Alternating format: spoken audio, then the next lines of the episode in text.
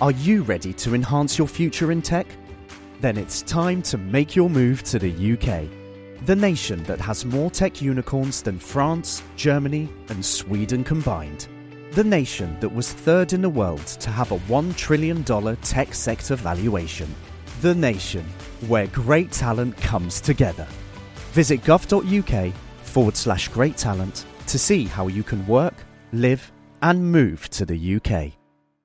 Normally, being a little extra might be a bit much, but not when it comes to healthcare. That's why United Healthcare's Health Protector Guard fixed indemnity insurance plans, underwritten by Golden Rule Insurance Company, supplement your primary plan so you manage out of pocket costs. Learn more at uh1.com. As a person with a very deep voice, I'm hired all the time for advertising campaigns. But a deep voice doesn't sell B2B, and advertising on the wrong platform doesn't sell B2B either. That's why, if you're a B2B marketer, you should use LinkedIn ads. LinkedIn has the targeting capabilities to help you reach the world's largest professional audience. That's right, over 70 million decision makers all in one place. All the big wigs, then medium wigs, also small wigs who are on the path to becoming big wigs.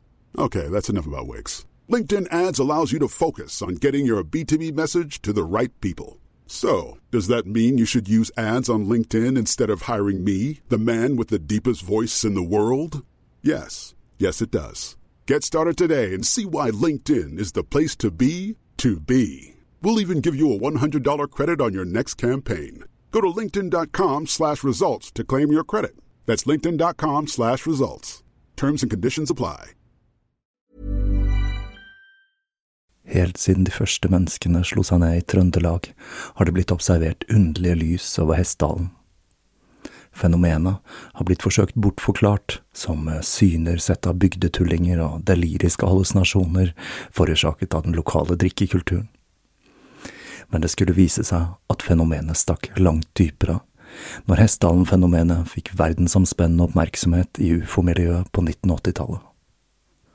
Fenomenet er fremdeles der, og det er fremdeles like uforklarlig som den gang. I 2024 kommer en podkastserie i seks deler, produsert av Project Hessdalen, som kanskje en gang for alle skal finne svar på hva som rører seg på himmelen i denne bortgjemte dalen i Trøndelag. Serien har som seg hør og bør fått tittelen A Blaze in the Northern Sky, og den kommer til din favorittpodkastavspiller i 2024. En god død, en ridderlig død, er å dø i kamp i slagets villskap, til lyden av fiendens bønner om nåde, til lukten av brent mark og skrikene fra kvinner som har blitt enker. I et hav av blod, der vil jeg dø, ærefullt, i møte med kaldt stål.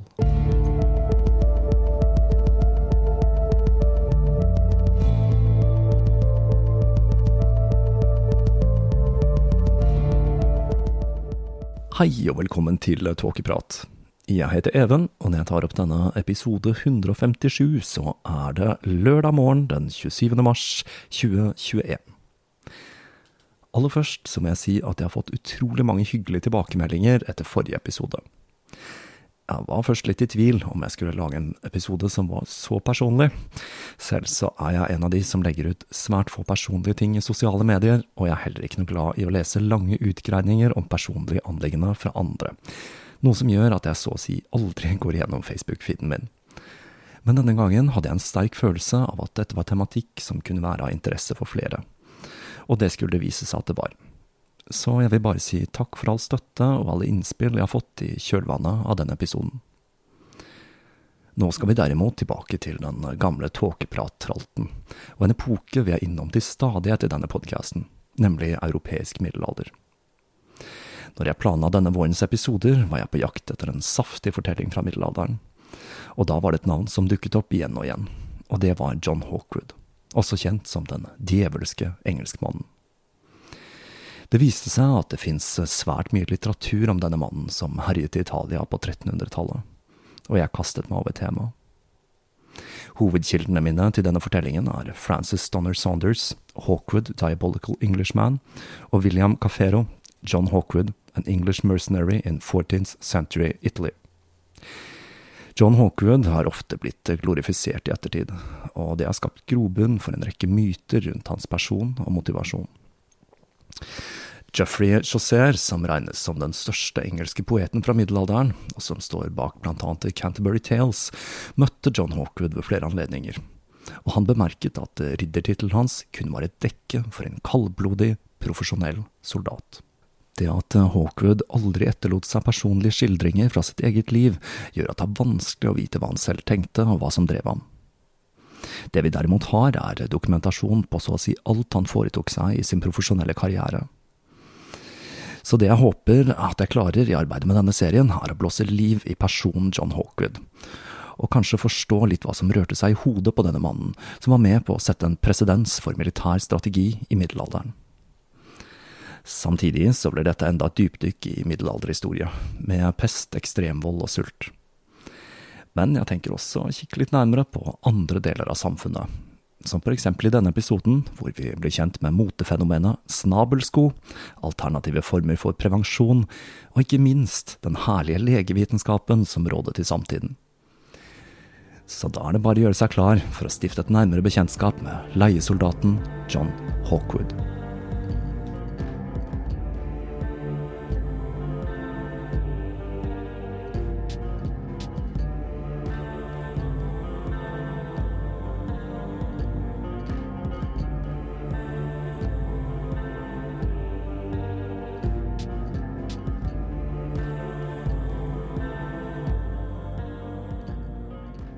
Det å dø i kamp ble sett på som ærefullt, selv om det også kunne skyldes uheldige omstendigheter. Som når sir John Chandos ble drept i Aquitaine i 1370, når han steg ned fra hesten for å kjempe til fots, skled på den glatte bakken og viklet seg inn i kappen sin før han ble ridd ned av en fransk væpner. Men det var ingen skam i dette, og dødsfallet hans ble sett på som ærefullt, og det ble holdt mang en minnetale etter denne ridderens død. Men den virkelig gode døden, den aller mest ærerike døden fikk man på slagmarken, hvor soldatene hakket hverandre i biter med sverd, økser, dolker og klubber i en orgie av blod og vold. Menn tråkket i sine egne innvoller og ble trampet ned av hester, og kjempet innbitt til siste slutt mens de sang til de ikke hadde mer luft å synge med. Om han overlevde slagmarken, så ventet enda en utfordring. Legevitenskapen hadde nemlig fremdeles en lang vei å gå, og med stadig mer utspekulerte våpen, som pilspisser med mottaker, fikk legene nye utfordringer. Den vanlige behandlingen av pilsår var for eksempel å brenne såret med en jernstang eller helle kokende olje i såret. Hodeskader hadde man en grei måte å diagnostisere på. For å sjekke om det var kraniebrudd, holdt pasienten seg for øyne, øre, nese og munn mens han blåste. Om det kom luft ut av skallen, så var det brudd. Enkelt og greit. Hva skal man egentlig med røntgen, når det hele kan gjøres så enkelt? Europa var i det hele tatt på bånn når det gjaldt legevitenskap. En libanesisk lege ved navn Tabit observerte en vestlig kirurg operere to pasienter. Den første var en ridder som hadde et verkende sår i det ene benet. Legen spurte. Foretrekker du å leve med ett ben eller dø med to? Leve med ett, svarte ridderen. Legen la beinet til mannen på en treblokk, ga han en øks og ba han hugge av sitt eget ben. Ridderen gjorde som han ble fortalt, og etter to hugg falt beinet av, og mannen døde. Den andre pasienten var en kvinne som var rammet av imbisilitet. Legen kom fram til at kvinnen var besatt, så de barberte hodet hennes og satte henne på en diett av hvitløk og sennep. Da dette ikke hjalp, konkluderte legen med at de måtte gå hardere til verks, og han skar ut et kors i pannen hennes, flådde av huden og gned inn såret med salt, hvorpå kvinnen døde. Den libanesiske legen dro hjem, skuffet over at han ikke hadde lært noe nytt i Europa. Og her finner vi et artig fun fact. Det er fra denne epoken ordet kvakksalver kommer fra, etter de neblignende maskene legene brukte for å beskytte seg mot pesten. For midt oppi all denne herlige volden og legevitenskapen, i 1348 kom svartedauden til Europa og rev i stykker samfunnsstrukturen. Mødre forlot sine barn av frykt for pesten. Mange sultet rett og slett i hjel da de ble forlatt av sine nærmeste, og gjerne låst inne om de ble rammet av sykdommen, slik at de ikke kunne smitte resten av familien. Svartedauden var den mest ødeleggende epidemiologiske krisen i verdenshistorien.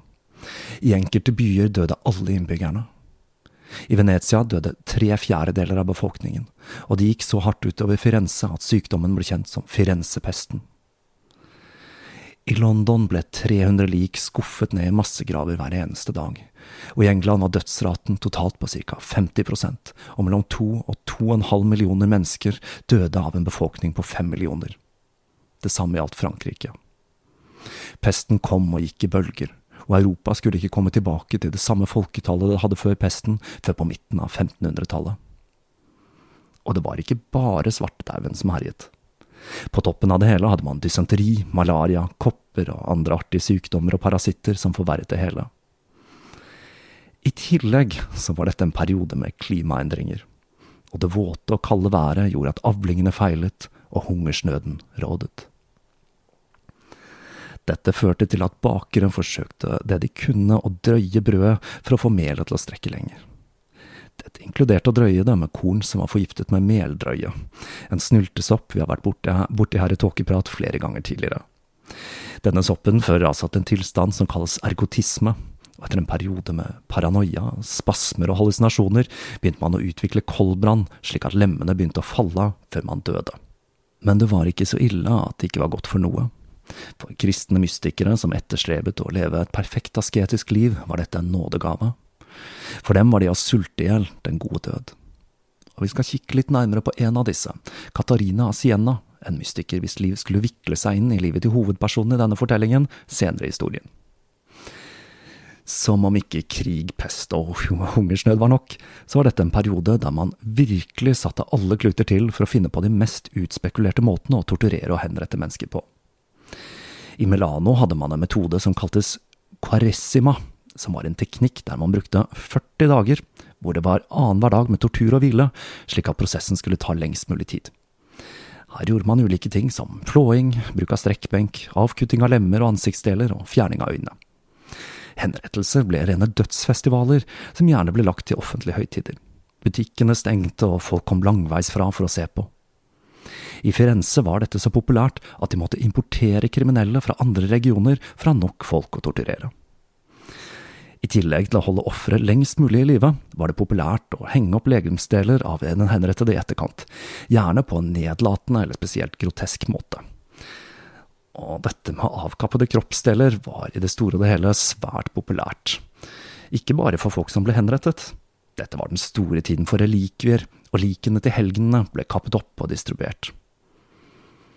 Oppi alt dette var drap en dagligdags affære, og vold var en naturlig del av hverdagen. Aller verst var det kanskje for de spedalske. De ble utstøtt av samfunnet. Noe som noen ganger ble markert med at den syke ble satt i en åpen grav, mens presten gjennomførte en jordpåkastelse på vedkommende. Den ekstremt harde hverdagen førte også til at mange utviste en enorm kapasitet for å overleve. Ikke minst de som hadde arbeid direkte knyttet til død og sykdom, befant seg i en gunstig posisjon. Når det ble færre folk, ble også etterspørselen etter arbeidskraft større, og med det steg lønningene. Noen ganger så mye som to til tre ganger. Og det gjaldt også den generelle levestandarden for folk flest. Den sosiale orden som hadde rådet, ble snudd på hodet. Her ser vi det jeg bemerket i forrige episode. I vår pandemi ser vi det motsatte. De sosiale forskjellene blir sterkere, mens resultatet av svartedauden var at de sosiale forskjellene ble utlignet. Ingen unnslapp pestens klør og det gjorde at det ble store hull i kirkens rekker, noe som førte til at kvinner fikk innpass til å utføre enkelte av sakramentene, som å ta skriftemål fra døende.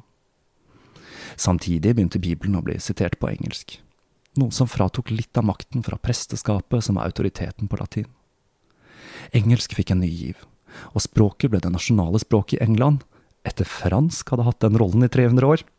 I 1362 erklærte Edvard 3. at engelsk skulle erstatte fransk i det engelske rettsapparatet. Det er jo litt spesielt å tenke på at fransk var det offisielle språket i England. Det er kanskje ikke så rart at det ble krig. Til tross for kirkens formaninger var sex en svært populær fritidssyssel. Dildoer var populære, og man hadde ymse former for prevensjon, som ulike fysiske øvelser etter samleie, og forskjellige salver som skulle smøres på penis, og forskjellige væsker som skulle sprøytes inn i kvinnen. I tillegg praktiserte man abort på ulikt vis, blant annet med enda flere fysiske øvelser og gymnastikk. Og her finner vi selvsagt også bruken av Penneroyal, udødeliggjort av Nirvana i Penneroyal Tea. Og som en litt artig sidenote, så er et navn som blir brukt på denne planten i myntefamilien, puddinggress. Så her er det muligheter for en norsk coverlåt av Nirvana, puddinggress-te, altså. Få var i det hele tatt så avskrekket av kirkens formaninger, inkludert presteskapet selv, som utgjorde 20% av klientellet ved bordellene i Dijon. En munk ble sagt å ha sitert seks salmer i løpet av en natt, og de to påfølgende den neste morgenen som en illustrasjon på at han var veldig dedikert til kjønnslivets gleder. Denne sosiale tumulten hadde også en dramatisk påvirkning på motebildet i Europa. Det skal vi se litt nærmere på senere, men kort fortalt, med mange døde adelige var det plutselig masse staselige klær tilgjengelig, og folk begynte å kle seg i klær som var over deres sosiale status, noe som førte til at England vedtok en lov i 1363 der man åpnet for å arrestere personer som kledde seg over sin rang. Den spesielle situasjonen førte også til opptøyer, som bondeopprøret i Italia i 1381. Disse ble raskt slått ned, men de var et tegn på at samfunnet var i dramatisk endring. Illustrasjoner av Kristus som en slags folkehelt, gjerne fremstilt med eksempel jordbruksredskaper, vitner om at det var dramatiske sosiale endringer i gjære, som en slags forgjenger til kommunisme og sosialisme. Et så ustabilt samfunn var selvsagt også et perfekt arnested for krig. Og krig var ikke bare av det negative. Det var den gang som nå en mulighet til å tjene en slant, og mang en kjøpmann tjente seg rik på å spekulere i ulike konflikter. Krig skulle også føre legevitenskapen fremover. Selv om den europeiske medisinen ikke var i nærheten av hva man hadde i andre deler av verden, så klarte man tidvis å utføre amputasjoner der pasienten overlevde, og man utviklet teknikker for å transplantere hud fra andre deler av kroppen for å reparere et vansiret ansikt. Plastikkirurgien hadde sett dagens lys. Man utviklet også bedre teknikker for bandasjering, og ting som bruk av honning som antiseptisk middel. I tillegg begynte man å sysle med bedøvelse, i form av ulike ekstrakter av urter som opium og mandrake, og noen leger begynte å se holistisk på pasientens helse, og de begynte til og med å følge dem opp etter behandling. Det er med krig og profitt leiesoldatene kommer inn i bildet. En kilde i samtiden refererer til dem som leiesoldatpesten men i motsetning til svartedauden, så var det mange som tok imot disse omflakkende bandene med åpne armer. Og den mest fremtredende figuren blant disse krigsprofitørene var vår mann, John Hawkwood fra Essex.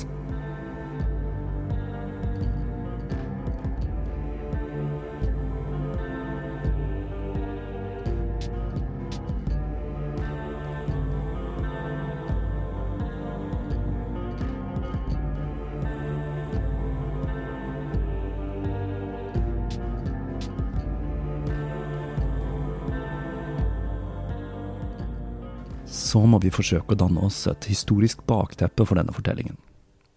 Vi har vært borti denne perioden ved flere anledninger her i Tåkeprat, men her er en liten oppsummering av det politiske klimaet på 1300-tallet. Den 1. mai 1360 møtte representanter for Edvard 3., franske diplomater, for å fremforhandle en våpenhvile i en krig som hadde startet 20 år tidligere. De møttes i landsbyen Bretteny sør for Chartres, og den 8. mai signerte begge parter Bretteny-traktaten. Traktaten markerte en pause i hva vi i dag kjenner som hundreårskrigen. Det hele hadde startet når eh, Karl 4. døde i 1328 uten en arving, og fetteren hans, Philippe av Valois, tok kronen. I 1340 fikk Philippe et brev fra Edvard 3., der han skrev at han som nevøen til Charles 4. var den rettmessige arvingen til tronen, og at dersom Philip motsatte seg dette, så ville han ta den med makt.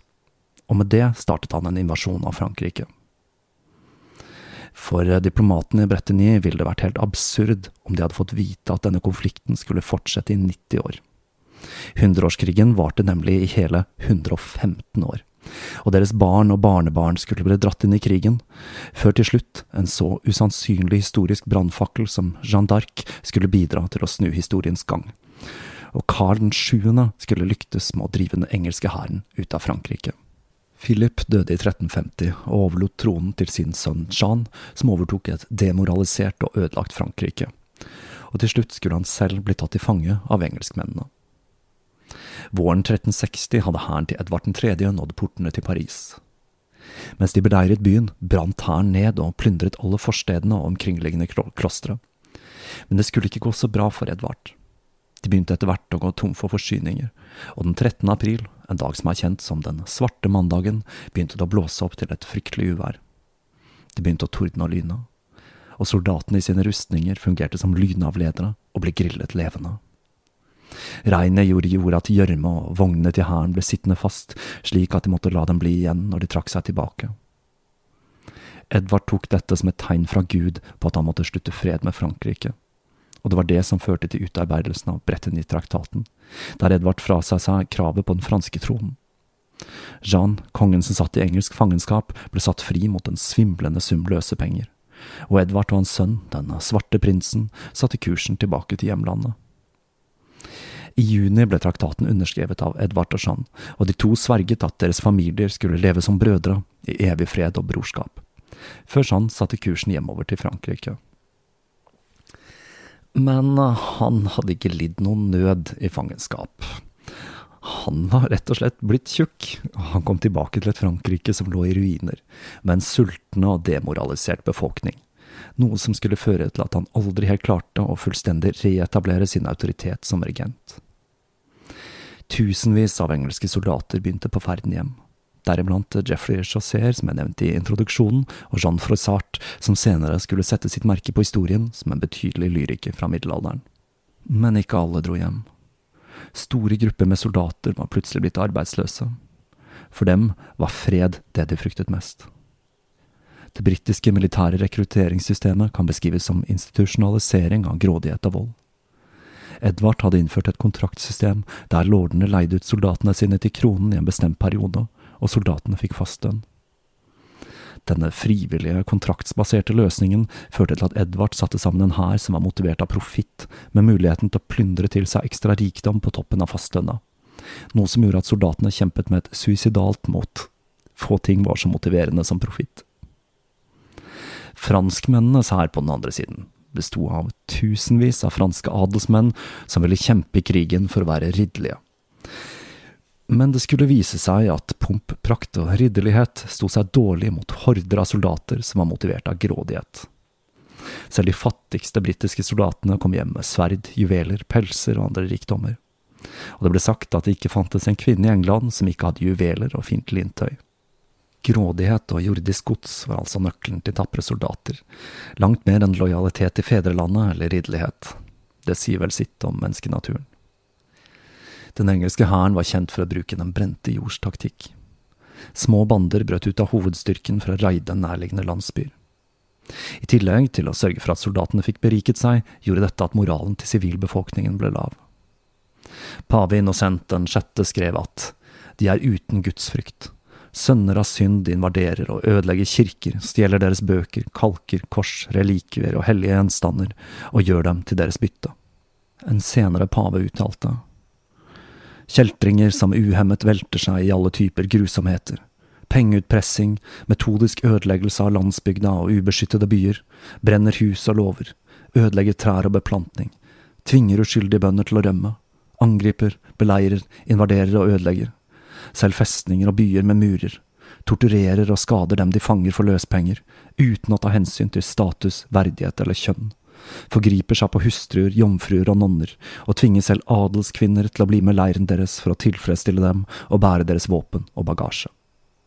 En av de mest bemerkelsesverdige tingene med denne mobile voldsorgen var hvor godt de var organisert. Det var som en sammensetning av flere celler som utgjorde en hel organisme.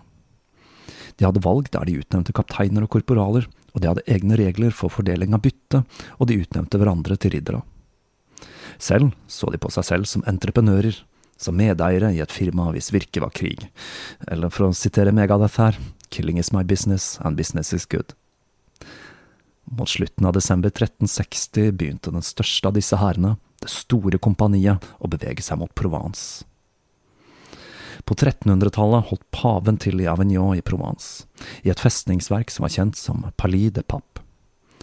Paven var steinrik, og mye av inntekten kom fra merch, som synsforlatelse, som var en slags forsikring der man kunne sørge for at man slapp unna med mindre tid i skjærsilden.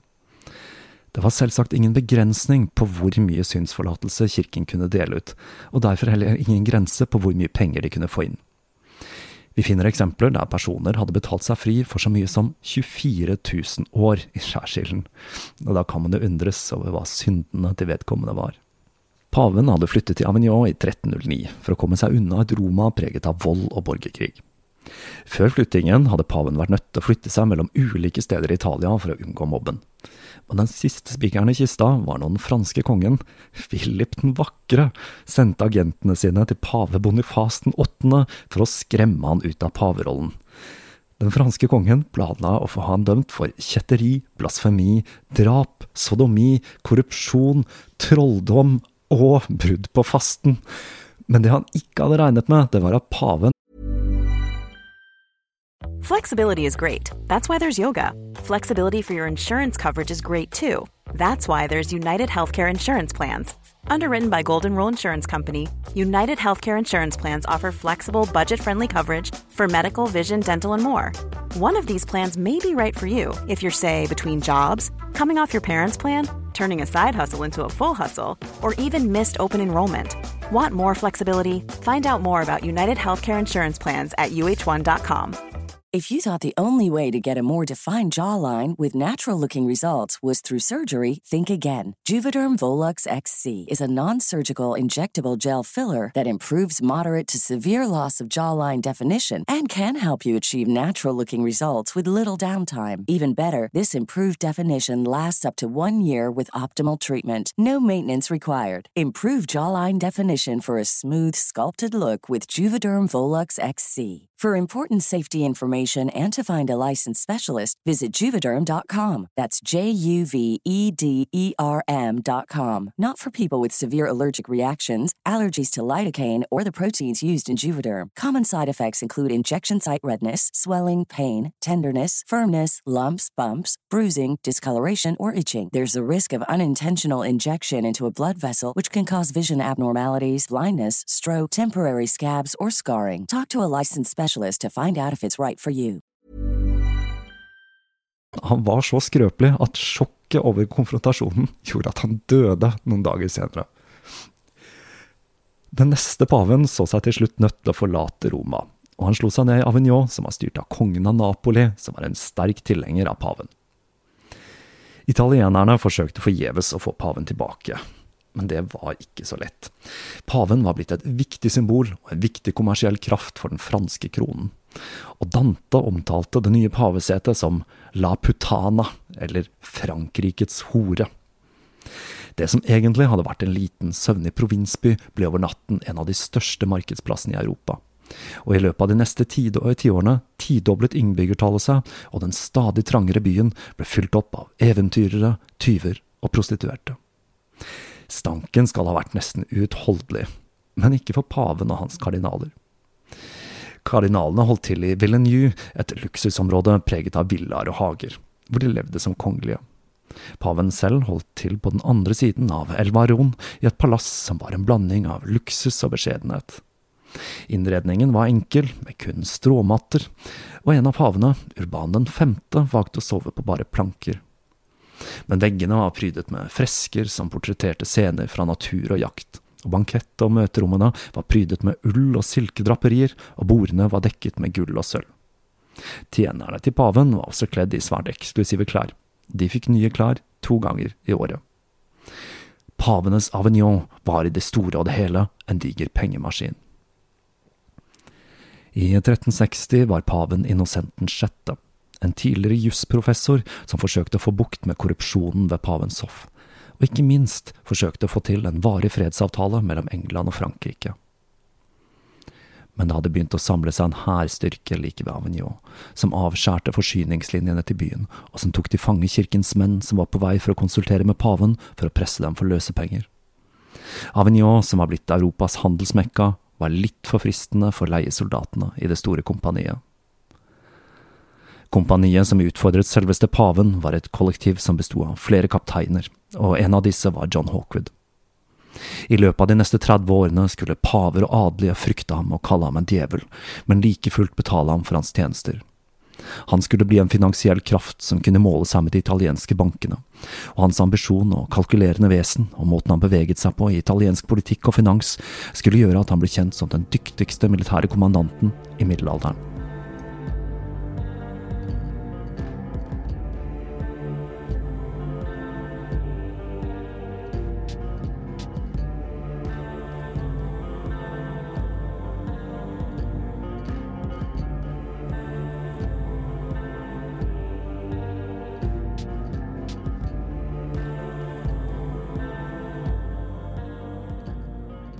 John Hawkwood ble født i Sibyl Hedningham, en liten landsby i Essex i ca. 1320.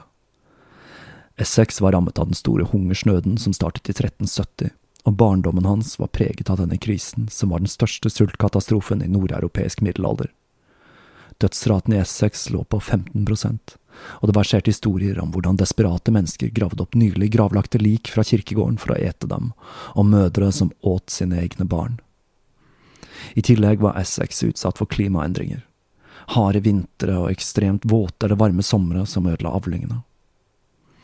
Hawkwoods far Gilbert var velstående, så de klarte seg bedre enn folk flest, noe av det at alle hans syv barn overlevde, bærer vitne til. Ingen grunn til å spise barna der i huset, altså. Men til tross for at tilstanden i husholdningen var hakket bedre enn hos de aller fleste, så var livet hardt. I juli 1340 døde faren, og det var ikke John som skulle få brorparten av arven, men som tradisjonen var, så gikk det til hans eldre bror, som også het John. Den yngre John fikk eh, en beskjeden, men ikke ubetydelig sum med penger, litt korn, litt land, og ikke minst, han fikk en seng. Det samme gjaldt søsknene hans. I tillegg var John den eldre forpliktet til å forsørge sin yngre bror det første året. Hawkwood måtte finne en måte å klare seg selv på, og ifølge en populær myte så ble han lærling hos en skredder før han vervet seg til hæren til Edvard 3. Men denne historien, som glorifiserer John Hawkwood som en arbeidskar som jobbet seg opp til å bli en viktig politisk maktfaktor i Europa, er en som er skrevet lenge etter Hawkwood var død, og det var nok mer ønsketenkning enn fakta. En mulighet er at dette rett og slett skyldes en fonetisk glipp. Etternavnet Hawkwood er nemlig umulig å uttale på italiensk, og man endte opp med å kalle ham Akuto, som betyr akutt eller skarp som en nål. Det er nå i hvert fall en mulighet. En annen historie forteller om hvordan Hawkwood fraktet liket til naboen sin, lord John de Vere, hjem etter han ble drept i 1360. Men dette er heller neppe historisk korrekt, men et resultat av at man ønsket å glatte over krigens råskap med historier om galanteri. Edvard 3. var nemlig besatt av tanken på et slags arturiansk brorskap, og han innførte The Most Noble Order of the Garder, som var, eller rettere sagt er, en britisk ridderorden, for den finnes enda. Det første som slo meg som litt underlig med denne ordenen, er navnet. For garder er da visselig strømpebånd, og her finnes det ulike forklaringer på hvordan en ridderorden endte opp med navnet på en dameundertøysdel i tittelen. Her er det ulike legender, som at grevinnen av Salisburys strømpebånd skled ned under et ball, og mens de andre gjestene begynte å knise, plukket kongen det opp, ga det til henne og sa skam over dem som tenker ille om dette. Men det jeg slår meg til ro med her, er at eh, strømpebånd var mest brukt av menn på 1300-tallet. Uansett, tilbake til historien. Man antar at Hawkwood ble med denne naboen sin, lord John de Vere, til Frankrike i 1342, hvor han kjempet i slag ved Cressy i 1346, og senere i 1355 var han med den svarte prinsen, sønnen til Edvard, i raidet mot Languedoc. Et raid som ettertiden skulle omtales som plyndringsfestivalen og i året etter kjempet han med jarlen av Warwick i slaget ved Poitiers. Det var som bueskytter Hawkwood klatret i det militære hierarkiet. Det var to typer buer som dominerte slagmarken, armbrøst og langbue. Armbrøsten hadde den fordelen at den var enkel å bruke og gjorde stor skade. Men ulempen var at skytteren måtte ha en egen assistent til å lade den, og dette kunne ta opptil et minutt. Langbuen på den andre siden kunne med en erfaren bueskytter avfyre 20 piler før armbrøsten hadde fått ladet en ny pil. Langbuen ble et ekstremt viktig våpen. Med tilstrekkelig med bueskyttere kunne man slippe løs en strøm av død over fiendens rekker. Men det å håndtere en bue riktig krevde årevis med trening. Så for å sørge for å få flere bueskyttere forbød Edvard 3 alle uhederlige spill, som fotball, cricket og håndball, for å inspirere flere undersåtter til å begynne med bueskyting istedenfor. Mellom slaget ved Cressy og Poitier dukker Hawkwood kun opp to ganger i historien. En gang i juni 1350, hvor han og en kompis banket opp en fyr i nærheten av landsbyen til Hawkwood, og ett år senere, når han stjal ploghesten til naboen. Man antar at Hawkwood dro tilbake til Frankrike og kjempet for John de Vere i denne perioden, og også at han giftet seg der. Selv om denne første kona hans aldri har blitt identifisert, så fikk de en datter som het Antioka. Navnet kan tyde på at dette dreide seg om en slektning av John de Vere, for en av hans forfedre, Robert, kjempet i Antioch under det første korstoget, Og legenden forteller at en stjerne lyste opp skjoldet til Robert, slik at de kristne klarte å utmanøvrere fienden. Så i 1356 dukker Hawkwood opp igjen i slaget ved Poitiers, hvor han ble slått til ridder, og etter dette forble han i Frankrike, hvor han fortsatte å bli med på raid. Den engelske hæren fungerte ved at hver mann betalte en tredjedel til sin hærfører, hvorav han ga en tredjedel til kapteinen, og kapteinen ga en tredjedel av dette, samt en tredjedel av sin egen fortjeneste, til kongen. Denne tredjedel, tredjedel, tredjedel-ordningen var derfor ekstremt lukrativ for kongen. Selv om kongen formelt tok avstand fra herjingene til leiesoldatene etter Bretteny-traktaten, er det mye som tyder på at de fremdeles jobbet for kronen i det skjulte. Det var nemlig Englands interesse at disse soldatene fortsatte sine voldelige karrierer i Frankrike framfor å herje hjemlandet. Og så skal vi tilbake til Avignon, hvor Innocent 6. nå befant seg under en blokade av leiesoldater. Paven var veldig klar over hvor utsatt byen og områdene rundt var, og i 1358 hadde de begynt å bygge festningsverk rundt byen men disse skulle ikke stå ferdig før i 1376, og når Hawkwood og kompaniet hans sirklet seg inn rundt Avignon vinteren 1360, var byen fremdeles sårbar, og Innocent fryktet det verste. Byen sto overfor en potensiell sultkatastrofe, og faren for spredning av sykdom var overhengende. Først forsøkte paven å beordre leiesoldatene til å dra, men de overså ham. Så ekskommuniserte han dem, noe som vi husker som en av de verste straffene kirken hadde til rådighet. Biskopen, omgitt av tolv prester med hvert sitt lys, leste opp ekskommunikasjonen, før prestene kastet lysene på bakken og trampet på dem for å symbolisere hvordan synderne hadde slukket frelsens lys. Men til tross for ekskommunikasjon og tramping på lys, så gikk leiesoldaten ut til å bry seg nevnverdig. Så, i januar 1361 fikk Innocent nok, og han erklærte at han skulle sette i gang et korstog mot kompaniet. Igjen så brydde de seg lite, og de svarte paven at de ikke kom til å vike om han så skulle sende hele den kristne verden mot dem. Paven han klarte å samle en hær på flere tusen, han, og de satte kursen mot Point Saint-Espirit, hvor kompaniet hadde slått leir. Men det skulle vise seg at paven hadde litt for mye tro på at de, disse soldatene, som fikk betalt i form av evig synsforlatelse og ikke i penger, skulle slå seg til ro med det. Soldatene gadd rett og slett ikke å ofre livet for muligheten til å slippe unna skjærsilden. Så noen dro hjem, mens andre de sluttet seg til leiesoldatene, som kunne tilby bedre betingelser enn hva kirken gjorde. I midten av februar ble det klart for paven at han kom til å bli nødt til å forhandle. Tillegg til at byen var blitt full av flyktninger, hadde nemlig pesten kommet tilbake. Leiesoldatene begynte også å bli sugne på en vei ut, de begynte nemlig å gå tomme for forsyninger. Dette førte til at de to partene fremforhandlet en avtale der paven måtte punge ut store summer i bestikkelser, i tillegg til å gi soldatene synsforlatelse. I tillegg forpliktet 6000 soldater, inkludert John Hawkwood, seg til å bli med markien av Monoferrato til Nord-Italia for å kjempe mot visegreven av Milano, som var en fiende av paven. Med denne avtalen i boks forlot hæren Provence. Ikke bare med noen nye konkubiner, men også med en rekke nye rekrutter som ble fristet lykken med kompaniet. En farlig presedens var satt. Selveste paven hadde nå betalt løsepenger til kompaniene, og pengene skulle ikke stoppe dem, men oppmuntre dem til å fortsette og utvide praksisen. Hæren spredte seg i ulike retninger, mens kompaniet til Hawkwood satte kursen mot Italia i mai 1361.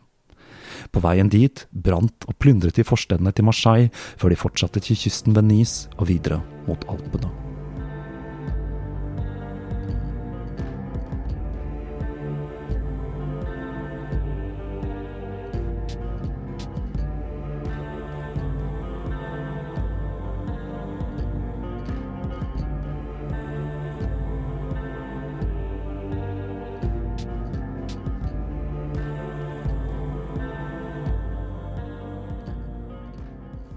Hva enn man ønsket å få kjøpt, fantes i Italia.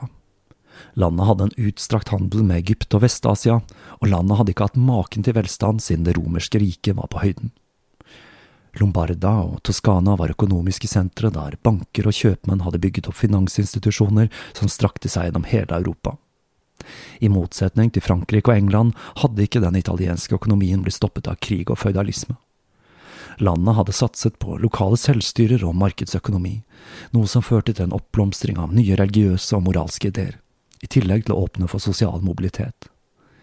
Penger, som hadde spilt en liten rolle i føydalsamfunnet, var nå den mest sentrale drivkraften, og en hel bransje med pengevekslere, banker og ulike valutaer dukket opp. I 1252 ble valutaen florentin introdusert. Den hadde en stabil verdi og var internasjonalt akseptert. Selv Edvard 3. måtte underkaste seg det italienske økonomiske systemet, og tok opp et lån på nesten en million floriner fra en italiensk bank for å finansiere sin første militære kampanje i Frankrike. Sjekker så også dagens lys i denne perioden, da det var mangel på florentiner, og disse ble etter hvert så utbredt at de ble benyttet også til småkjøp. Det dukket også opp andre betalingsmidler, som reisesjekker og andre tjenester som forsikring og regnskapsføring. Denne velstanden ble gjenspeilet i bybildet, og ikke bare i arkitektur som i Milano, hvor det var hele 6000 drikkevannsfontener, men også i motebildet. Der menn og kvinner tidligere hadde gått i formløse serker, begynte man å gå i fargesprikende og tidvis svært upraktiske plagg. Menn gikk i strømpebukser, gjerne med forskjellig farge på hvert bein, og en kort tunika som aller helst skulle være så kort at man kunne se konturen av rumpe og kjønnsorgan. Assessoarer var viktig, og i tillegg til digre hatter med fjær var snabelsko populært. De skulle helst være så lange at de som gikk med dem, måtte gå på en spesiell måte for ikke å snuble, og av kritikere ble denne gangen sett på som dekadent. Så lange var disse skoene at dersom man måtte løpe, så måtte man klippe av tuppen. For kvinner så var det kanskje sminken som var farligst. Her finner vi selvsagt bruk av belladonna, som ble brukt for å utvide pupillene, men også en rekke kosmetikk som inneholdt bly og store mengder arsenikk. Man forsøkte å bremse denne utviklingen ved å innføre lover som skulle forhindre at folk kledde seg for ekstravagant. I 1378 ble en ti år gammel jente arrestert og bøtelagt fordi hun hadde en kjole som var laget av to stykker silke med dusk og lær og en viss Mona Bartolomea ble arrestert fordi hun hadde ermer som var over én meter vide.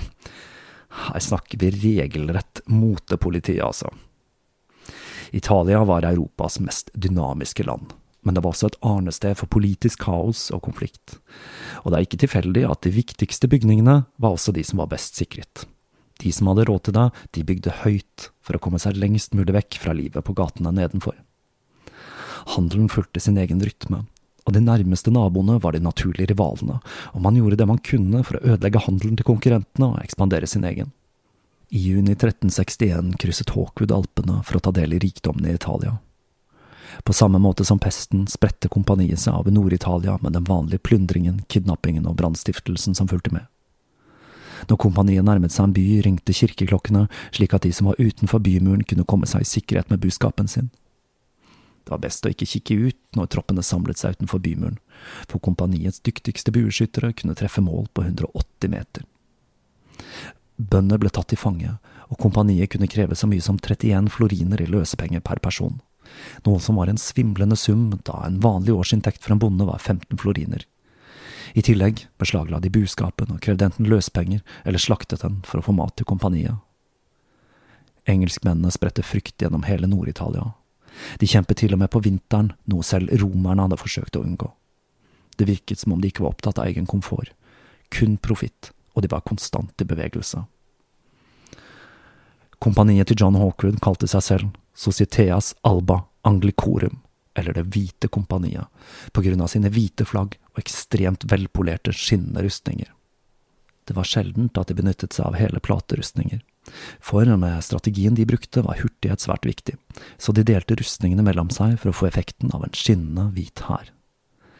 Hæren delte seg i enheter som het en lanse, og det er her uttrykket freelance kommer fra. En lanse besto av en soldat til hest, en bueskytter og en væpner. De tre kunne lage en formasjon der soldaten gikk av hesten og sammen med bueskytteren holdt en to meter lang lanse mens væpneren tok seg av hesten. Når tilstrekkelig mange lanser sto samlet på den måten, lagde de en ugjennomtrengelig vegg som kunne spidde fiender som nærmet seg.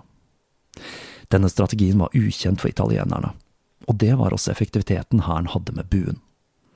En langbue var like høy som en mann og kunne regne død over mål på 160–180 meters avstand. For å forsvare seg mot engelskmennenes taktikk begynte italienerne å benytte seg av mer og tyngre rustning, også på hestene, noe som gjorde at de ble tregere. I tillegg så brukte det italienske infanteriet store tunge skjold som gjorde dem svært synlige på slagmarken. Villskapen, voldtektene og plyndringen til kompaniet ga inntrykk av et totalt anarki, men dette var en godt planlagt illusjon som var ment å virke avskrekkende. Det var ingenting tilfeldig med dette, og i kombinasjon med nattraider, planlagte tilbaketrekninger og geriljakrigføring var dette ment å fremtvinge overgivelse og løsepenger. Det hvite kompaniet var organisert som et lite samfunn, eller som en liten militærstat, om du vil. De hadde sine egne advokater og notarer som tok seg av kontraktene med oppdragsgivere, mens en kansler tok seg av lønninger og arbeidsavtaler. De hadde også en egen kasserer til å ta seg av økonomien. Kommandosenteret til operasjonen var kapteingeneralens Kamara, som som oftest var teltet hans.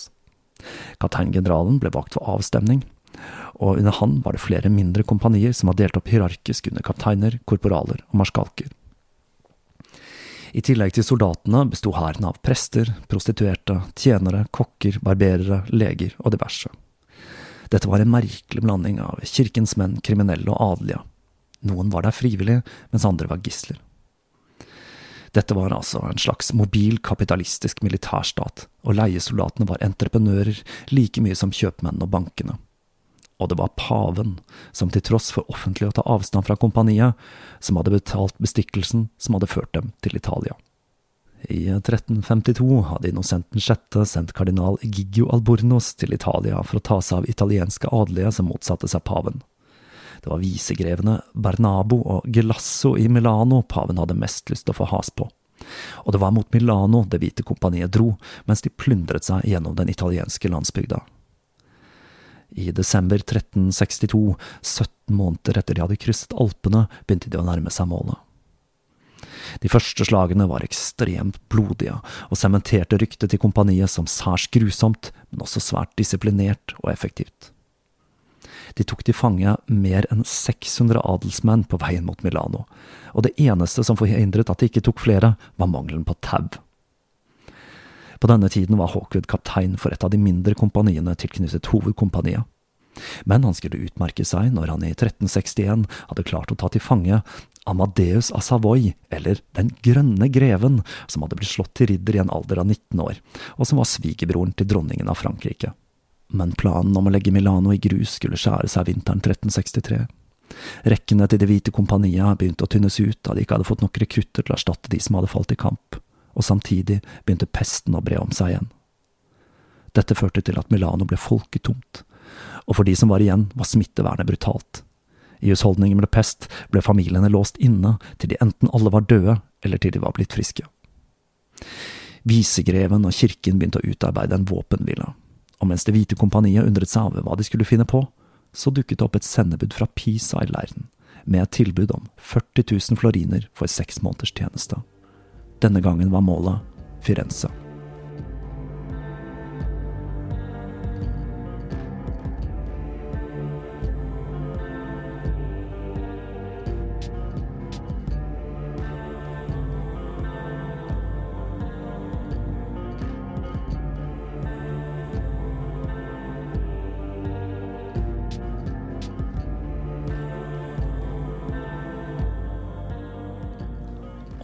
Det var den første delen i serien om John Hawkwood. Som vi ser, så begynte Hawkwood å utmerke seg ved å være en fremragende bueskytter, og ved å kidnappe denne grønne greven, som han krevde den astronomiske summen 180 000 floriner i løse penger for. Men i 1362 var han fremdeles bare kaptein for et av de mindre kompaniene. Jeg må jo si at det å grave seg ned i middelalderhistorie får vår egen samtid til å virke lysere. Pandemi eller ikke, vi risikerer i hvert fall ikke å bli tatt til fange av omreisende bander som krever løsepenger av Erna Solberg. Nå er det straks påske, en høytid jeg dekket i episode 61, Påskeprat, og en feiring som nok egentlig dreier seg om vårjevndøgn og det å ønske våren velkommen, til tross for påskeram, korsfestelse, harer og krim. Jeg vil som vanlig rette en stor takk til alle patrions, nye som gamle, og minne om nettbutikken på tåkeprat.com, hvor det blant annet er mulig å skaffe seg klistremerker, T-skjorter, notatbøker og mer. Fram til neste gang vil jeg ønske dere alle en god påske eller ostara, mens jeg krysser fingrene for at snabelsko igjen vil bli en del av motebildet. På gjenhør.